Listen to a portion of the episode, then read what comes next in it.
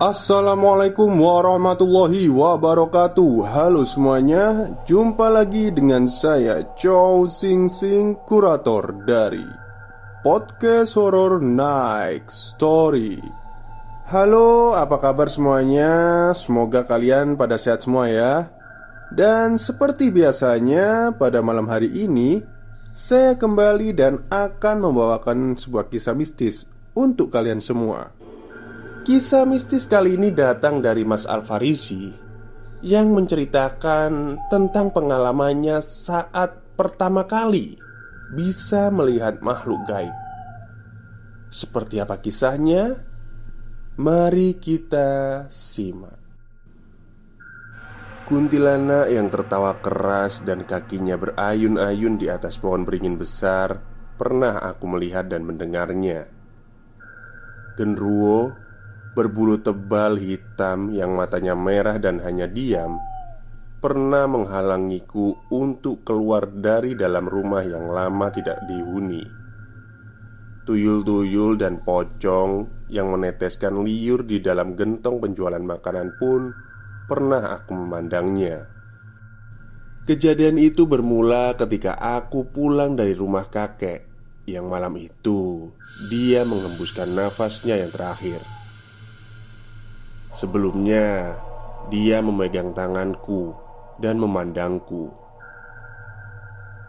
Waktu itu keadaan sedang genting. Ibuku, tanteku, pamanku, dan adik dari kakekku pun menangis. Tapi aku tidak. Aku memikirkan maksud dari pandangan dan genggaman kakek untukku. Maksud itu kutemui ketika aku pulang untuk mengambil pakaian. Aku cucu pertamanya. Maka nenek ingin aku ikut memandikan kakek. Jalan dari rumah kakek ke rumah orang tuaku Tidak begitu jauh. Tapi Mesti melewati kebun-kebun pisang Dan kebun-kebun tangkil berbatang besar dan rindang. Konon Tidak ada yang berani melewati jalan itu sendirian Tentu saja ketika malam. Karena kerap terdengar suara benda jatuh dari atas pohon. Dan ada juga yang bercerita Ada pohon pisang Jelmaan pocong bermata hitam Berwajah mutung dan berpakaian lusuh penuh tanah merah. Bahkan Pocong itu terbilang jahil kata masyarakat sekitar. Pocong itu kerap menunjukkan wujud asli secara tiba-tiba. Kampung kami sempat geger karena penemuan petani. Petani tersebut menemukan satu orang pengendara ojek yang asalnya bukan dari kampung sekitar kebun itu. Petani itu menemukannya tergeletak di atas rumput yang berembun Ketika dibangunkan, ternyata dia bukan pemuda yang mabuk, alias dia pingsan. Ceritanya, tukang ojek itu mendapat order untuk mengantar seorang pegawai yang baru pulang kerja. Pegawai itu adalah tetangga kakekku. Pada saat masih membonceng pegawai itu, Meski melewati kebun-kebun pisang dan pohon-pohon tangkil serta beberapa pohon randu, tidak sekalipun ada gangguan. Tapi kejadian yang menyeramkan baginya hadir ketika dia seorang diri melajukan kendaraannya melewati kebun itu. Pelan ia melajukan kendaraan saat melalui pohon randu yang menjadi tanda antara kebun dan jalan kampung, tukang ojek itu sudah mendengar ada desahan. Dia sempat menengok dan melihat ke arah spion, tapi tidak ada satupun hal aneh. Hal-hal yang aneh baru ia dapati ketika melalui jalan yang sisinya tumbuh pohon-pohon tangkil. sekelebat bayang putih terlihat menyeberang ke jalan, tapi tidak menghalanginya. Setelah sekelebat bayang, tukang ojek itu kembali mendapatkan gangguan. Gangguannya adalah suara benda jatuh dari pucuk pohon.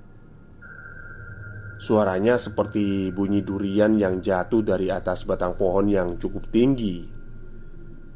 Sontak Tukang ojek itu langsung menancap gas Lebih kencang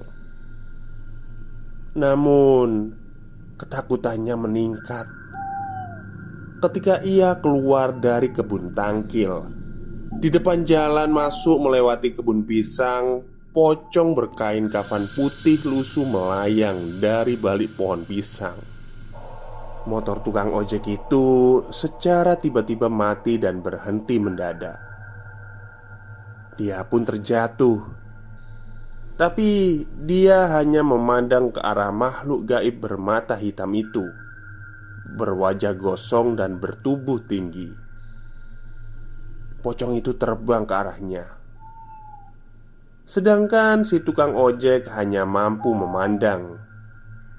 Tubuhnya kaku tidak bisa berbuat apa pun. Pocong itu semakin terbang mendekatinya. Tepat di hadapannya yang hanya berjarak 10 cm. Pocong itu melebarkan tangannya dan membuka mulutnya. Sontak, tukang ojek kaget dan akhirnya pingsan di atas rumput yang berembun. Tiba-tiba saja Cerita dari peristiwa itu terngiang ketika aku menyalakan mesin kendaraan Aku berusia 20 tahun saat itu Terbiasa pulang pukul 10 hingga 12 malam Melalui jalanan yang sepi Dan sisinya tumbuh pohon-pohon pisang atau nangka Tak sekalipun pernah aku melihat keganjilan karena itu, aku yakin untuk tetap pulang mengambil baju ganti guna memandikan jenazah kakek. Kupacu motor yang warnanya telah sedikit memudar. Kakek mesti segera dimandikan malam ini juga. Sudah banyak pelayat yang datang dan mendoakannya.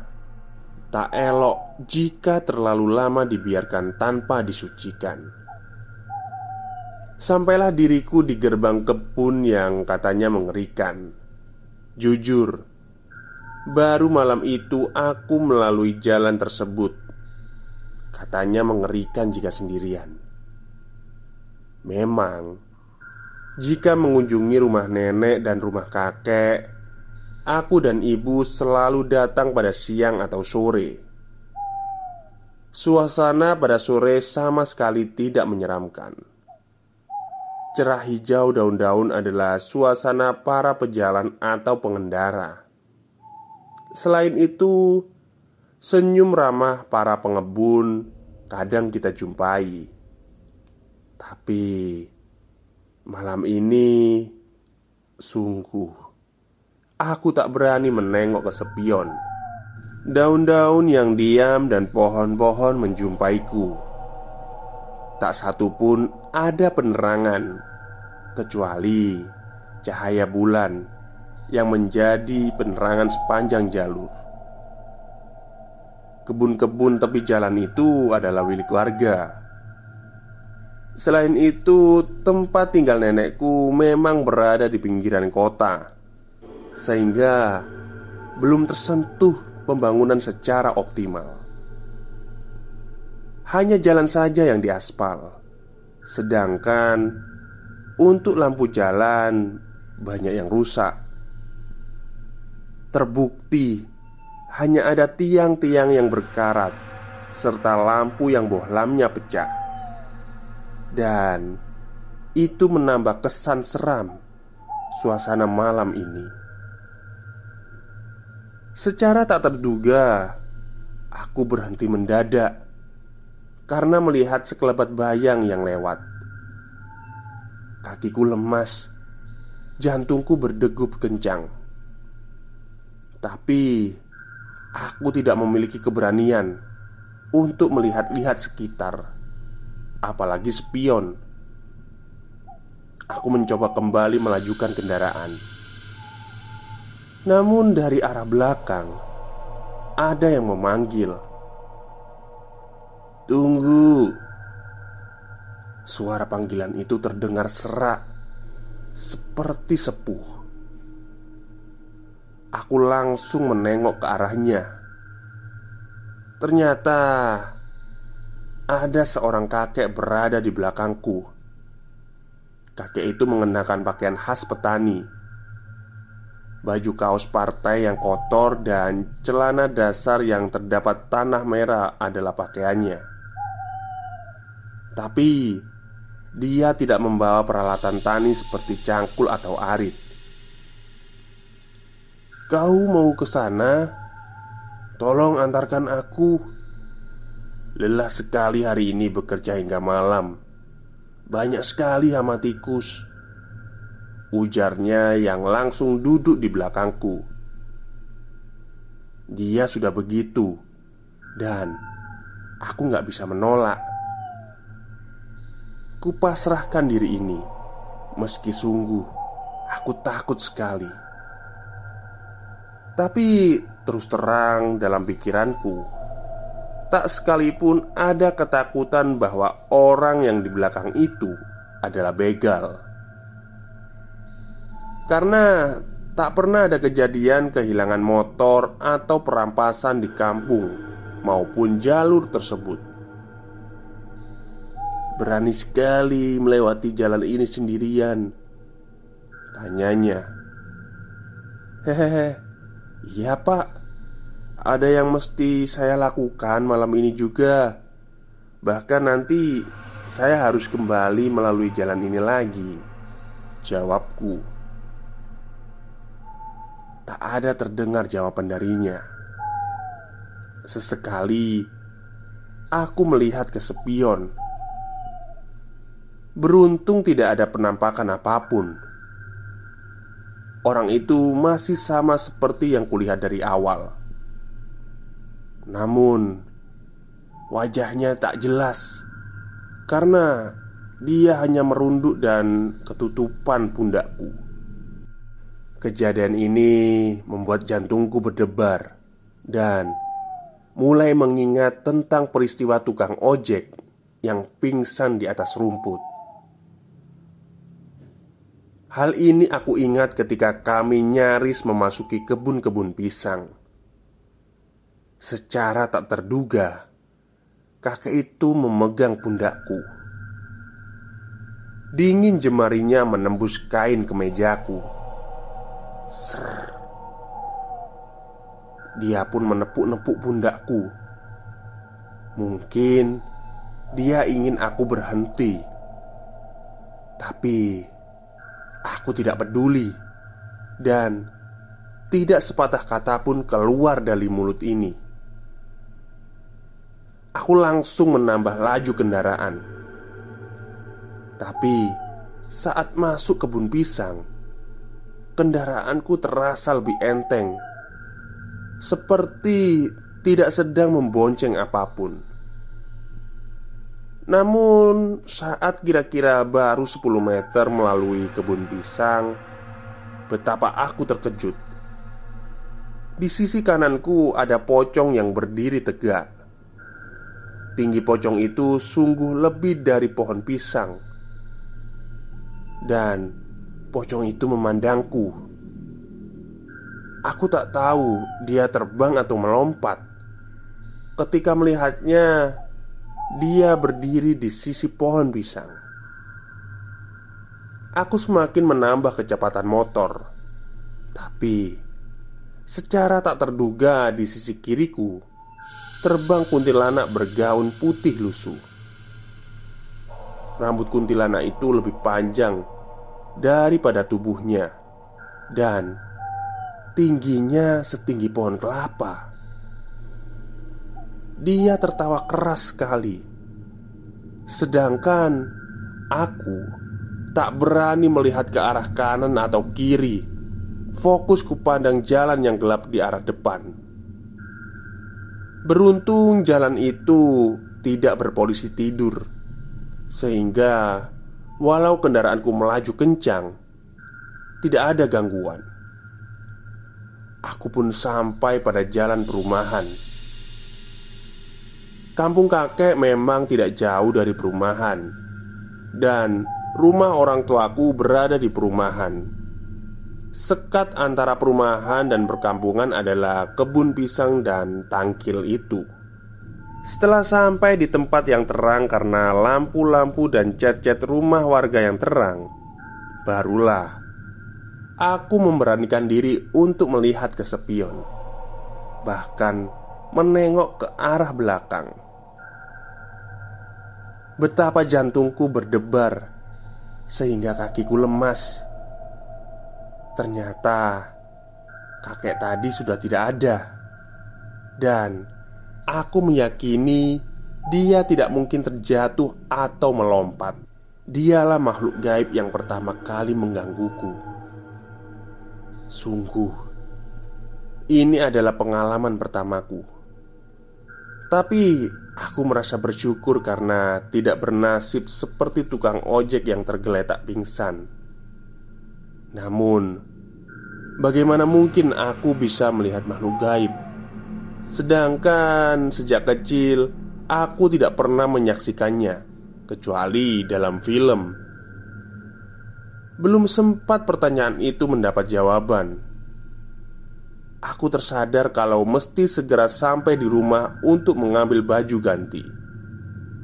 Setelah di rumah dan memasukkan beberapa pakaian ke dalam tas, aku langsung menelpon ibu.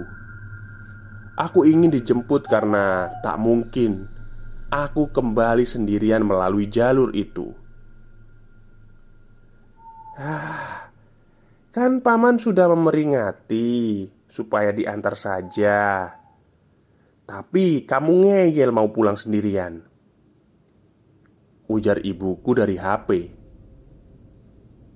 Beberapa menit kemudian mobil paman menjemputku Ternyata Di dalam mobil ada paman dan ibu Aku memahami Paman pun tidak berani melalui jalur itu sendirian Sepanjang perjalanan aku masih memikirkan Bagaimana mungkin aku bisa melihat itu semua? Apakah karena kekuatan makhluk gaib itu terlalu tinggi hingga mampu mengganggu semua orang tanpa terkecuali? Entahlah, ada yang mesti segera kulaksanakan, yaitu memandikan jasad kakek. Tapi Kejadian yang cukup mengerikan pun menghantuiku ketika sedang memandikan jenazah kakek. Saat aku memegang tubuh kakek, betapa aku terkejut ketika melihat sosok putih terbang dari pohon cengkeh ke pohon kapu. Tapi tak jelas karena jaraknya cukup jauh. Area belakang rumah kakek adalah kebun berbagai jenis tanaman Dan ada puluhan ayam kampung peliharaannya.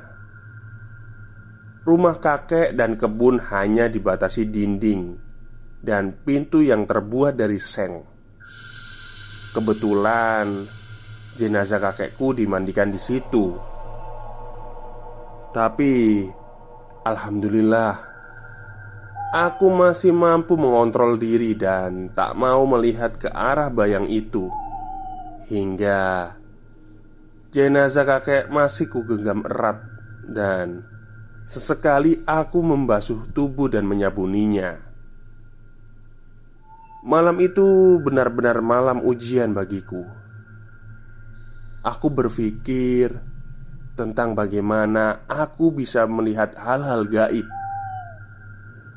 tapi ujian itu tidak berlangsung lama. Paman dan ibuku berbicara di dalam kamar yang kebetulan sejak memandikan jenazah kakek, aku berada di dalam ruangan itu. Bapak itu punya pegangan ya kak? Alhamdulillah ya Dia meninggal tidak begitu sulit. Apa mungkin pegangannya hilang begitu saja Tanpa bantuan orang pintar?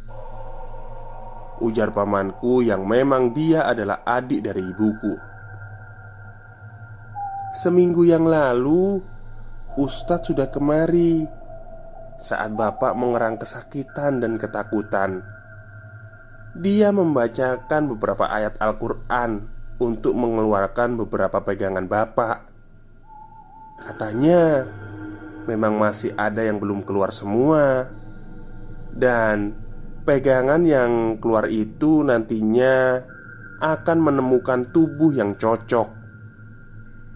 Bisa jadi akan pindah ke keturunannya, tapi Ustadz itu tidak tahu pindah ke keturunannya yang siapa.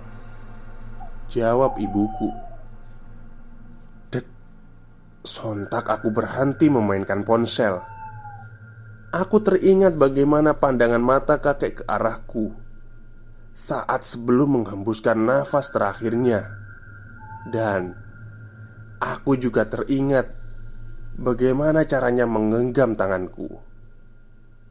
Apakah itu tanda kalau kakek mewarisi pegangannya untukku, batinku?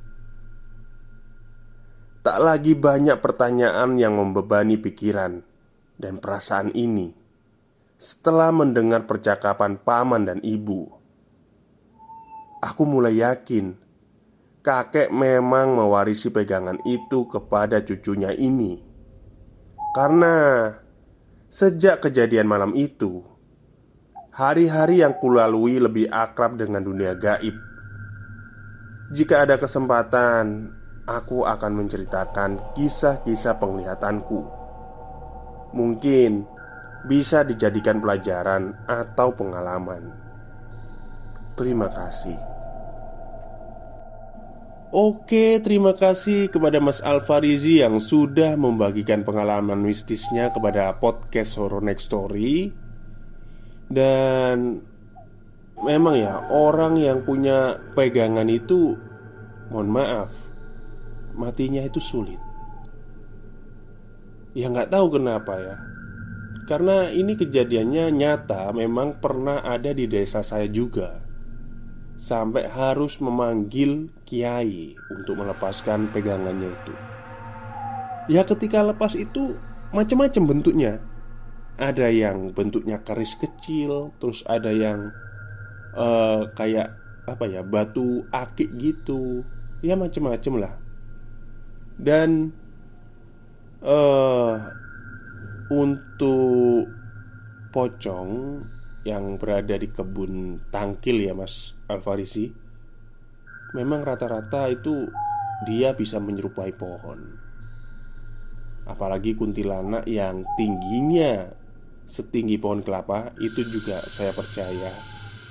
Karena saya pernah melihat di suatu artikel itu ada yang membahas hal seperti itu ini kalau melihat ceritanya ini kayaknya Mas Alfaris ini bukan orang Jawa ya, kayaknya orang luar lah, kayak uh, Kalimantan mungkin kalau melihat ceritanya. Oke, mungkin itu saja yang bisa saya sampaikan pada malam hari ini. Kurang lebih saya mohon maaf. Selamat malam dan selamat beristirahat.